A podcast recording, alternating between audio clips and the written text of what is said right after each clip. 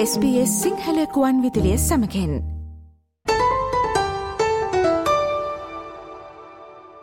රියානතුරකින් හෝවේවා වෙනත් අනතුරකින් එහෙම නැත්නම් රෝගාබාධයකින් දෙමව්පියන් අහිමි වුණොත් එහෙම නැත්නම් දෙමව්පියන් පූර්ණකාලීන කායික හෝ මානසික ආබාධයකට ලක් වුණොත් ඕස්ට්‍රේලියාවේදී අපේ දරුවන්ට මොකද වෙන්නේ ඒ පිළිබඳ වැදගත් සාකච්ඡාවක් ගෙනෙන්නයි SBS සිංහල ගුවන්විදුලියෙන් අද දවසේ අපි සූදානම් වෙන්නේ.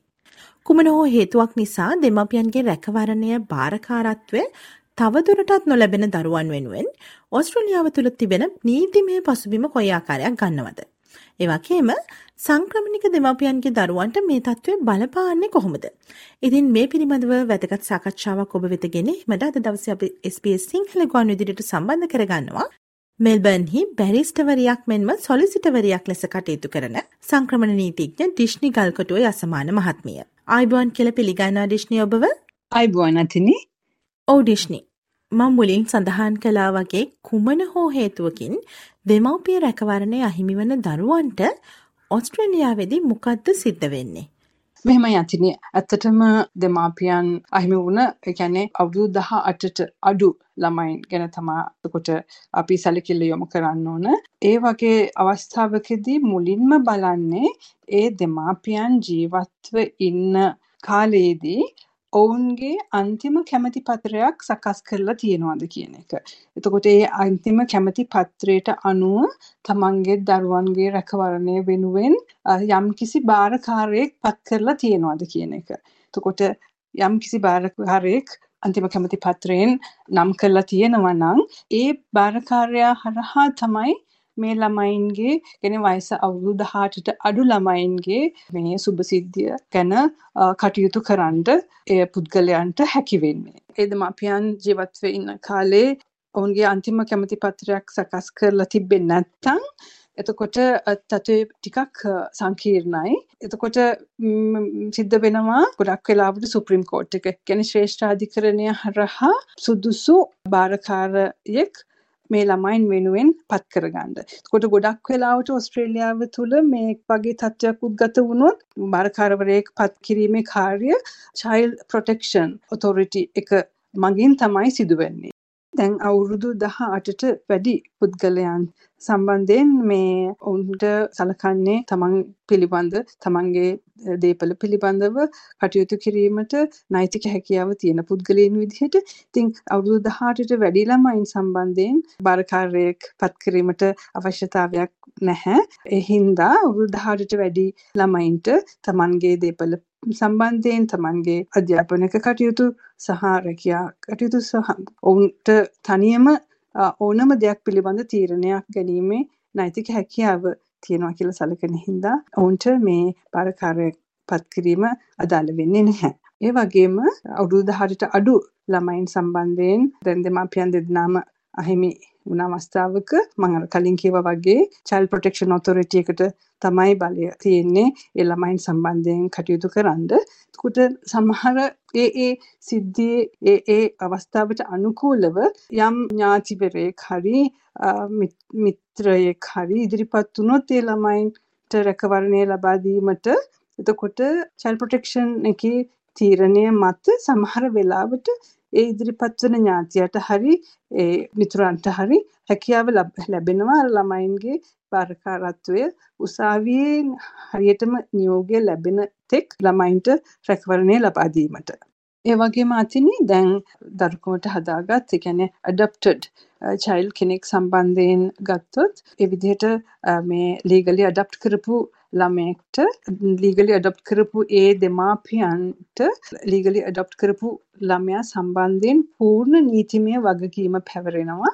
ඒ වගේම ඒ අඩොප්ට් කරපු ළමයාට අඩොප්ට් කරපු දෙමාපියන්ගේ බයොලොජිකල් චයිල්ඩ් කෙනෙක්. ඒ කියන්නේ අඩොප්ට් කරපු දෙමාපියන්ට දාව උපන් ළමයෙක්ට තියෙන සම්පූර්ණ අයිතිවාසිකම් මේ අඩොප්ට් කරපු ළමයාටත් තියෙනවා. එතකොට ඔවුන් ඔවුන්ගේ අන්තිම කැමති පත්‍රයක් සකස් කරලා තියෙනවා නම් අනිවාර්යෙන්ම මේ අඩොප්ට් කරපු දරුවට ඔවුන්ගේ දරුවෙක් හා සමාන අයිතිවාසිකම් ලැබෙන විදිහට ඔවුන්ගේ අන්තිම කැමති පත්‍රය සකස් කර තිබිය යුතු වෙනවා. එසේ නැත්තත් උසාවිය අන්තිමට මේ හැම දෙයක්ම සලකලා බලනවානේ තීරණයක් දෙන්න. එතකොට ඇඩප්ට් කරපු ළමයින්ටත් ඔවුන්ගේම දරුවෙක් හා සමානව අයිතිවාසිකම් ලැබෙන විදිහට තමයි උසාවිය තීරණ ලබා දෙන්නේ. ඔව් ඩිෂ්නි. යම්කිසි හේකින් දෙමව්පිය රැකවරණය තවදුරටත් අහිමි වන දරුවන්ට ඔවුන්ගේ එදිනෙදා කටයුතු සිදු කර ගැනීමට අවශ්‍ය කරන මේ මූල්‍ය සහයෝගය. එහෙම නැත්නම් මූල්‍ය උපකාර මේ දරුවන්ට ලැබෙන්නේ කොයි ආකාරයකින්ද?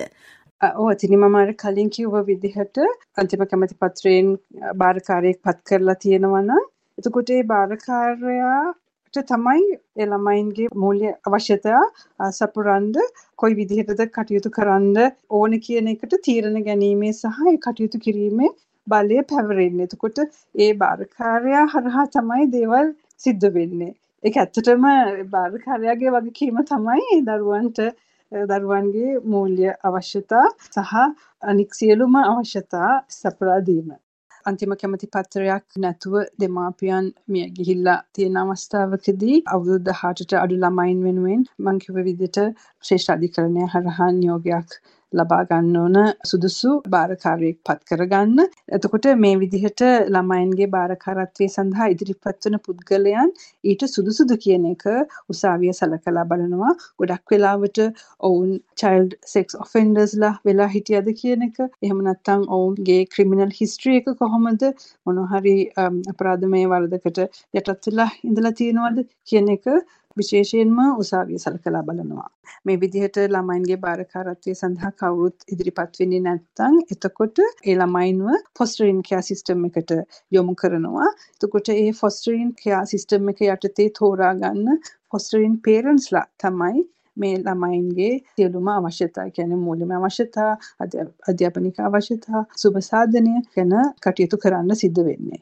යම් ආකාරයකට දෙමව්පියන් දෙදෙනාගේම රැකවරණය දරුවන්ට අහිමි වුණු අවස්ථාවකදී විශේෂයෙන්ම සංක්‍රමණික දෙමව්පියන්ගේ දරුවන්ට මේ තත්ත්වය යම්කිසි බැරෑරුම් තත්ත්වයක් වීමේ වැඩි ඉඩකඩක් තිබෙනවා. ඉතින් මං ඔබෙන් අවසාන වශයෙන් දැනගන්න කැමතියි මේ දරුවන්ට ලැබෙන රැකවරණයට අමතරව සංක්‍රමණික දෙමව්පියන්ගේ වීසා තත්ත්ව වැනි කාරණා කොයි ආකාරයකින්ද මේ දරුවන්ට බලපාන්නේ? ඕවචනය ඇත්තටම හරිම වැදගත් කාරණාවක්. මේ අපි දැන් මේ කතා කරපු සෑම සිද්ධියක්ම සෑම නෛතික සිද්ධාන්තයක්ම අදාළ වන්නේ ඔස්ට්‍රේලියානු පුරවැසිභාවය ලබාගත් හෝ ඔස්ට්‍රේලියානු ස්ථීර පදිංචිය ලබාගත් තැනැත්තන්ට පමණයි.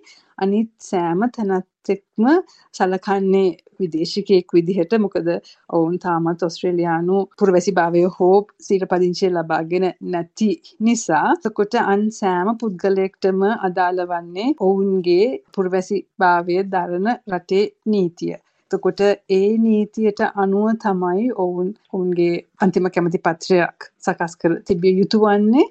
එතකොට යම් සිද්ධියක් සිදු වුවහොත් ඒ ඔවුන්ගේ මව් රටේ එහෙම නැත්නම් තමන්ගේ පුරවැසිභාවය දරන රටේ නීතියට අනුව සකස් කරලා තියෙන අන්තිම කැමති පත්‍රයේ අනුව තමයි තමන්ගේ අවුරුදු 18ට අඩු ළමයින්ගේ භාරකාරත්වය තීරණය වෙන්නේ. දැන් ඔස්ට්‍රේලියානු පුරවැසියන් හෝ තීරපදිංචිකරුවන් නොවන හැබැයි වෙන වීසා වර්ගයක් යටතේ ඔස්ට්‍රේලියාව තුළ ජීවත් වන පුද්ගලයන් සම්බන්ධයෙන් කතා කළොත් එකනවේ ඒ වීසා ඇප්ලිකේෂන් එකේ මේන් ඇප්ලිකන්ට් වෙච්ච පුද්ගලයාට තියෙන්නේ මොන වීසා එකද ඒ වීසා එක තමයි ඔවුන්ගේ දරුවන්ට අදාළ වෙන්නේ. ඒ කියන්නේ ඒ දරුවන් ඔස්ට්‍රේලියාව තුල ඉපදුනත් දෙමාපියන් දරන්නේ ස්ටුඩන්ට් වීසා එකක් නම් ළමයින්ට තියෙන්නේ ඒ ස්ටුඩන්ට් වීසා එකේ ඩිපෙන්ඩන්ට් වීසා එක.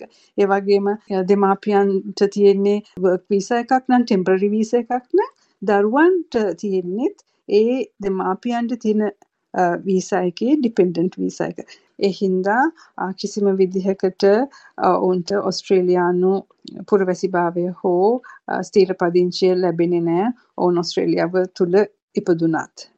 ඔව් අපි අද දවසේ කතා බහ කරමින් සිටියේ කුමන හෝ හේතුවක් නිසා දෙමව්පියන්ගේ රැකවරණය අහිමි වන දරුවන්ට ඕස්ට්‍රේලියාවේදී මොකද වෙන්නේ කියන වැදගත් කාරණය සම්බන්ධවයි. ඉතින් මේ සාකච්ඡාවට අද දවසේ අප සමග සම්බන්ධ වුණේ මෙල්බර්න් හි සිට බැරිස්ටවරයක් මෙන්ම සොලිසිටවරයක් ලෙස කටයුතු කරන සංක්‍රමණ නීතිඥ ඩිශ්නි ගල්කොටුවේ අසමාන මහත්මිය. ඩිශ්නි ඔබට බෙහෙවින්ම ස්තුතිවන්ත වෙනවා ස්පේස් සිංහල ගුවන්විදුලිය සමග සම්බන්ධ වූවාට. ස්තුතියි අතිනේ.